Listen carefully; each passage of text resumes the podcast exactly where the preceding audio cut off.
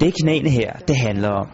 Det er begge knæ, ikke også, Signe, men den ene var værre end den anden. De tilhører Signe Sjølund Petersen, og efter en lang og opslidende sæson, volder de problemer for årets talent i dansk damehåndbold.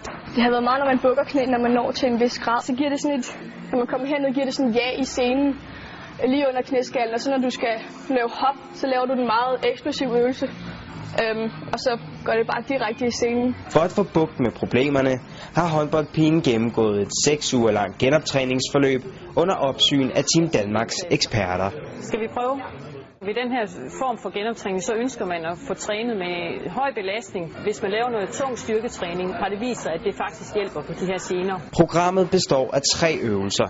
To gange bænkpres og en squat-øvelse. Det som Signe hun gør her, det er, at hun laver en uh, squat øh, øvelse, hvor hun kører langsomt ned, øh, tæller til 3, når hun går ned.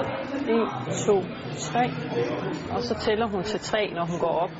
Ved at man træner den her form for træning, det kan så gøre, at der kommer noget øh, øget styrke ned omkring sener og naturligvis også i muskulaturen. Og så på den måde at, at være med til også at fremme en opheling i området. Hvilket nummer er du på nu? Er du færdig? Okay. Det her det er det, man kalder en benpres. Der skal hun også kunne altså, lave 10 gentagelser af tre sæt, og så skal hun op på en belastning, hvad hun lige kan klare på de 10 gentagelser. Jeg tager op på 220. Ja. ja. Det var fornemt, den her. Det var fornemt, ja. Men knæene har det fint. Ja. ja. Jeg kan mærke, at øh, jeg er blevet stærkere i mine, i mine muskler omkring knæene, og jeg har ikke ondt, når jeg stopper om morgenen for eksempel, og jeg har ikke ondt efter træning, og jeg er gået op i alle øvelserne, så på den måde så kan jeg føle ligesom, at det, det går fremad. Så nu bliver det rigtig spændende at se, hvordan jeg, hvordan jeg klarer det, når jeg skal spille håndbold.